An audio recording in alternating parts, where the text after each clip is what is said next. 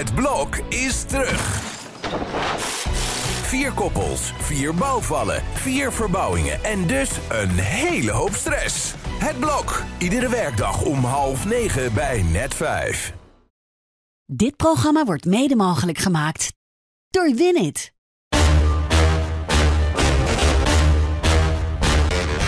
Dit is Strikt Privé, de dagelijkse showbiz-update met Evert Zantegoed en Jordi Versteegden.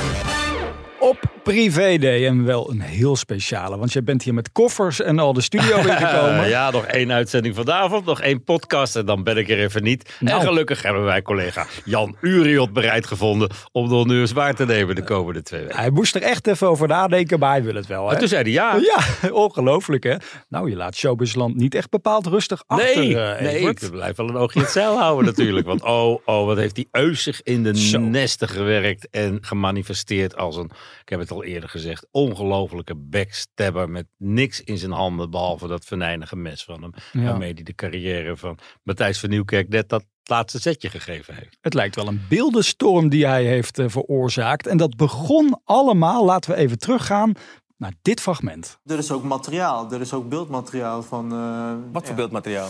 Nou, ehm, nou ja, jij repeteert hier denk ik ook. Zeker. Ja, nou, de, eh, die repetities worden ook opgenomen, ik Ja. weet niet of je dat weet. Dus Ja. gedraag je tijdens de repetitie. Je kan alle repetities van mij opvragen van de Ja. afgelopen 20 jaar. Ja, dus- je gaat niks vinden.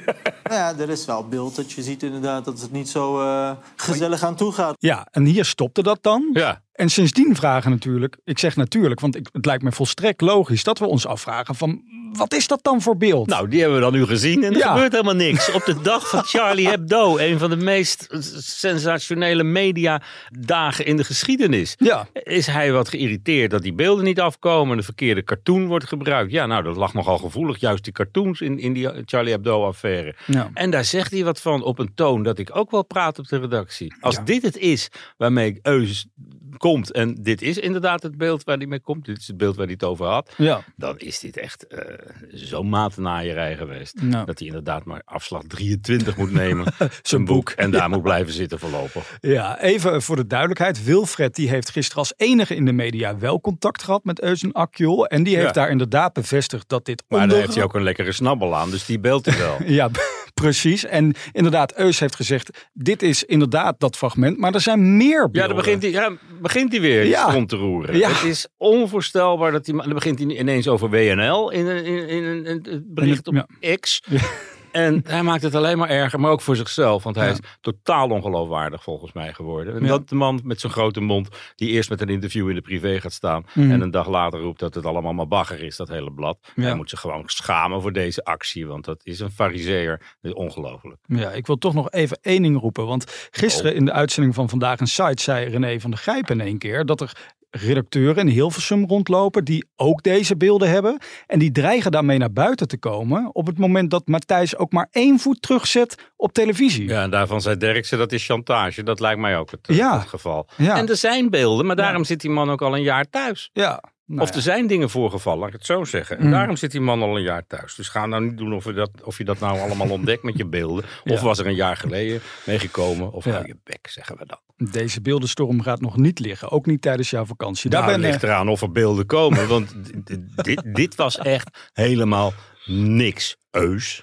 Kijk. Gordon dan? Ja, kijk nou weer toch. Wat hebben wij toch weer veroorzaakt in deze podcast? Ja, deze jij week? hè, met je van eh, moet Gordon niet bij VU aan tafel gaan zitten. En het is nog voor elkaar ook. Alhoewel het Ja. zojuist weer eventjes allemaal op losse schroeven kwam te staan. Toch? Ja, zeker. Want misschien moeten we eerst even naar de uitzending van gisteravond. Toen zei Wilfred Gené dit. Hij gaat waarschijnlijk, zoals het nu lijkt... Hij, heeft, eh, wat, wat- hij zat met Olsje daar. Toen zei hij tegen Olsje, ik wil er morgen ook bij zitten. Zoals het nu lijkt, gaat hij aan de bar zitten. En dan gaat hij ook zingen. Live. Live. Maar is dat een repetitie of is dat echt? Nee, dat- zingen, man. Als die jongen dat nou... Ja, nee, helemaal geen probleem. Ja, en dat is dus nu het euvel. Want ik heb zojuist net voor deze podcast nog even gebeld met de manager van Gordon. Hij Die wil komt nu met een heel eisenpakket. Het orkest moet ook mee. Ja, voor 6000 Voor euro. 6000 euro. En daarvan zegt VI dan, ja, dat budget is er dan natuurlijk gewoon niet. Nou ja, als ze allemaal even lappen dan wel. Maar eh, vol- dit lijkt meer op een terugtrekkende beweging van Gordon via het orkest. Ja, ik heb ook Oljay nog even gesproken, want hoe is dit nou allemaal ontstaan? Oljay zat gisteren met Gordon bij Jeroen Pauw aan tafel En toen achter de schermen is besproken. Ja, ik zit morgenavond bij VI, zei OJ. Kom je ook? En Gordon zei, ja, dat is goed. Ja. Maar ik heb het idee dat die manager van Gordon denkt van, ja, is Ja, dit, dit nu kan wel... heel ja. goed aflopen als hij goed zingt. Ja, En het kan heel erg fout aflopen. als, als het net zo klinkt als eh, in Amsterdam-Noord. nou ja, goed. We gaan het vanavond wellicht wel of niet zien. Ik word de hele dag op de hoogte gehouden door Nou, de manager. spannend. Dat moeten we vanmiddag eigenlijk is dit niet de laatste podcast van, van voor de vakantie, maar komt er misschien nog een extra bulletin? Een deeltje. Ja, dat zou toch leuk zijn als cadeautje voor jouw vakantie. Nou, we houden je op de hoogte via telegraaf.nl. De toppers, daar moeten we het even over hebben. Daar staat hij ook ooit bij. Ja, de kans dat hij daar nog een keer terugkeert. Ook Die, niet groot. die is ook niet groot. Maar de kans dat de toppers naar de arena gaan in mei is ook een klein beetje kleiner geworden. Vanwege nou ja, play-offs die mogelijk Ja. gespeeld gaan worden. Van Ja, daar er zitten toch contracten aan vast. Dat zegt de manager dan weer van de toppers. Die zeggen, ja, wij hebben een contract met de arena. We hebben verder niets van doen met Ajax. Ze zoeken het maar uit. Ja. Maar ja, aan de andere kant Nou, we hebben nog een Kuip in Rotterdam, gelukkig. en dat is toch ook een sfeervol eh, stadion. moeten de dus- toppers daar naartoe. Nee, ik zou zeggen, doe dan die play-offs lekker in Rotterdam. Dat deden we vroeger ook. Ja, nou, we gaan het allemaal in de gaten houden. Gordon er nog achteraan met zijn strijkers. Kan allemaal goed komen. Hoe groot is de kans dat de serie over Willem Ruis daadwerkelijk doorgaat? Nou, als ze budget hebben, ergens. Want als je die sterrenshow na moest doen, dat zijn ongeveer de duurste tv-shows die we in Nederland gehad hebben. En Ja. ja. dat was ook wel geweldig. Uit een tent, elke week live ergens vanuit het land. En Willem Ruis was natuurlijk de ongekende showman. Die leefde voor zijn programma, leefde voor zijn televisie. Trouwens, als je daar beelden van zou hebben van de repetities, daar ben ik wel eens bij geweest. Nou, die ging met de keer tegen een camera. Toen stond Willem Ruis, had de hele musical eh, Starlight Express gestolen. Uit, Ja. eh, met met het, eh, treinen op rolschaatsen en zo. Niet de meest succesvolle Andrew Lloyd Webber musical, maar wel heel spectaculair. Ja. En hij dacht dat één op één over te kunnen nemen in de tv-show. en daar was ik een keer bij. En daar stond hij op zijn rolschaatsen te schreeuwen tegen de cameraman. Die stond te gapen.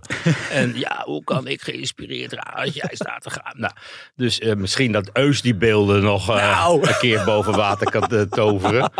Maar Willem was ook een studio beul hoor, Ja. in, de, in de categorie Rudy Karel. Ik sprak gisteren de dochter van Willem, Suus. Suus, ja. Eh, die gaat die serie ook maken met Carlo Bossart. En ze zei, ja, ik vind niet dat ik mijn vader nou echt kan beschuldigen van grensoverschrijdend gedrag. Nee, maar dat ging over het zoenen in, in de shows. De kisscam, of wat was het ook? De ja, hij, kissmaster. hij zoende gewoon elke vrouw, die in, eh, elke kandidaat. Maar dat was in enthousiasme. Ja, dat zou nu niet kunnen. Maar Nee. toen vond iedereen het heel leuk en uniek. en Jos Brink had er ook een handje van trouwens. Nou, Oh. daar zocht niemand wat achter.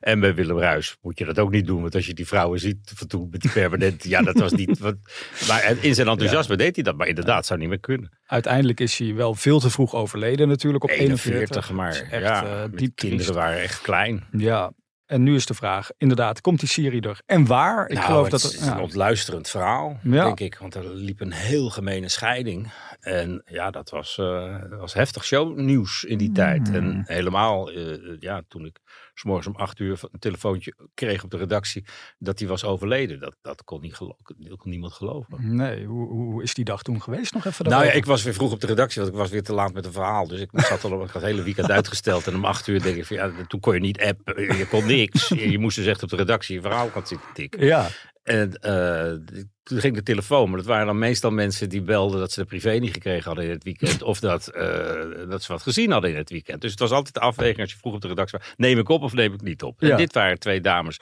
die, zei, die hoorde ik zo een beetje zenuwachtig praten met elkaar en met mij. Van weet u wanneer eh, Willem Ruis geboren is? En dat stond toevallig in de kaartenbak naast de, de telefoon. Dus ik kon zeggen, ja, dan, dan, dan, dan. En, oh, dan is het hem, dan is hij dood. Ja, wij werken bij een verzekeringsmaatschappij. En wij moeten ervoor zorgen dat het lichaam zo gauw mogelijk terugkomt naar Nederland. Dus eh, ik belde mijn baas, Henk van der Meijden die tijd. En die belde met het management, wist ook nog van niks. ja. En eh, toen ging dat rollen. En, en pas eind van de middag was het op de radio, het nieuws. Maar dat een verzekeringsmaatschappij naar de privé belt, Ja, dat, Dat mag niet, maar die vrouwen waren in schok. Ja. Ja. Zie de dame Willem Ruis. En Ja. die het zal toch niet de Willem Ruis zijn? Nou, dat was hij dus wel. wat een En verder zegt iedereen, dat hadden ze nooit mogen doen. Nee, maar dat geeft dan aan hoe groot de schok was. Die vrouwen die deden dat gewoon van, "Ah, het zal toch niet dat het er is? Nou ja, Hmm. helaas, 41 jaar. Ja. Wat een verhaal. Dit, dit verhaal zou ook zomaar opgetekend kunnen worden in die serie die er dan mogelijk bij Videoland, zeg ik zomaar, komt. Komt, ja. Moet ze iets meer budget uittrekken dan eh, voor Petty Bart. Dat was 2 miljoen, hè, geloof ik. Ja, voor 2, Petty. 3 geloof ik. Ja. Nou, goed. Ja.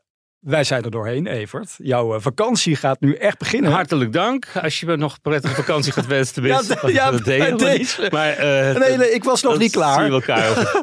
Had ik al gezegd, een hele fijne vakantie. Dankjewel. Tot over twee weken.